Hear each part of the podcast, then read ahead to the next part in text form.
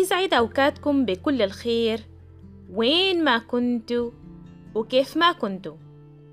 أعزائي مستمعي بودكاست يوميات زوجة من لمتنا مساحة صديقة الكرام لكم مني تحية الود والتقدير.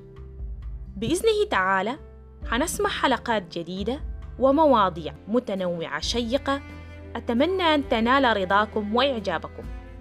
تقبلوا من رفيقتي بخيت جار النبي أطيب التحايا وأجمل الأمنيات. حلقتنا اليوم عن موضوع حساس يحتاج أن نعطيه أولوية وأهمية قصوى. هحكي لك يا بخيتة قصة إخلاص وهي موظفة في الشركة زي كل الموظفات الستات. بتصحى مع أذان الصبح بتجهز ليوم العمل الحافل وقبل ما تسهب العمل بتترك أولاد الإثنين ست سنوات وثلاث سنوات مع ناس أمها. وبترجع مطمئنة تاخدهم معاها البيت.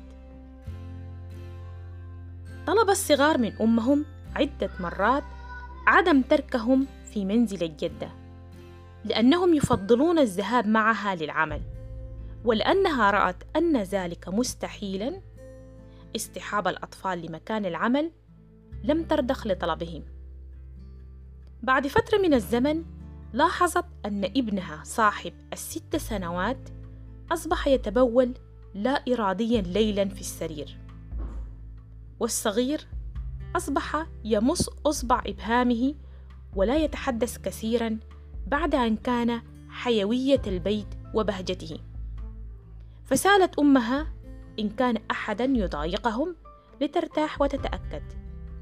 بالرغم من أنها تعلم جيدا أن أمها لا تبخل عليهم بالحنان والود. سؤال إخلاص لأمها يا بخيتة أقلقها.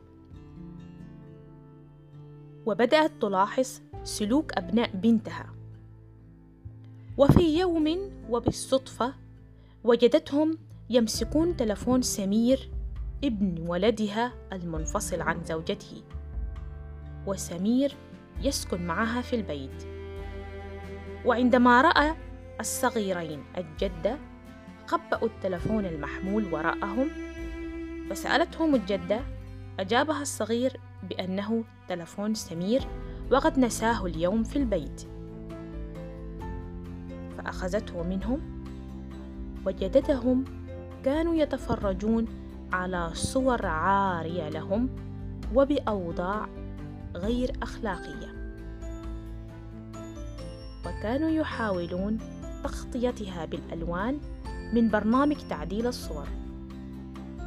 عندما سألتهم عنها أخبروها بأن سمير كان يجبرهم على فعل ذلك وبأنه سوف يؤذيهم ويضربهم إذا أخبروا أحدا. فانصدمت الجدة. سمير هذا يا بخيتة! لم يتجاوز السبعة عشر عاما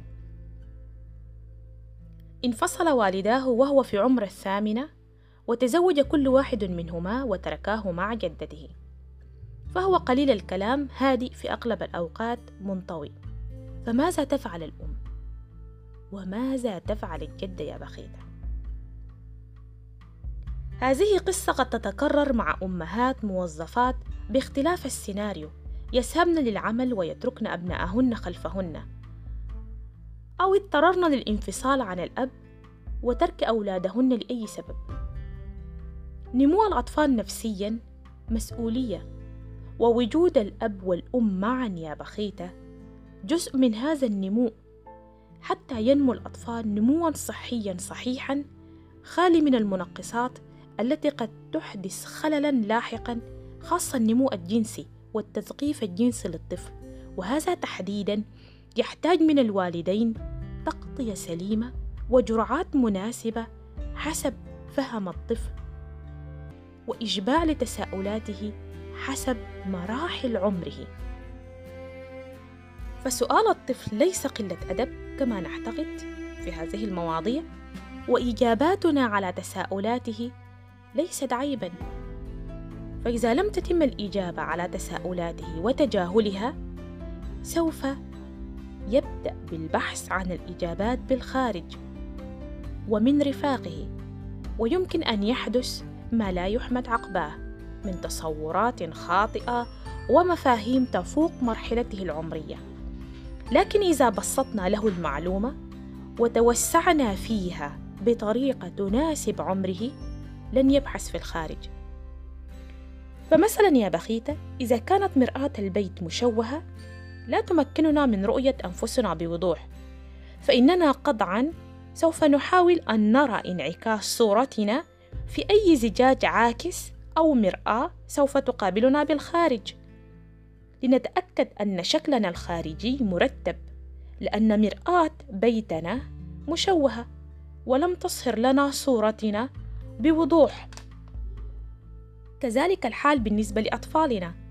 إذا لم نشبع تساؤلاتهم الجنسية بالمنطق فإنهم دائما ما يحاولون البحث خارجا لتغطية هذه الفجوة. سمير لم يجد من يملأ هذا الفراغ لديه ويجيب على تساؤلاته فلجأ إلى منهج خاطئ يسد به هذا الاحتياج. أبناؤنا أمانة ومسؤولية كبيرة.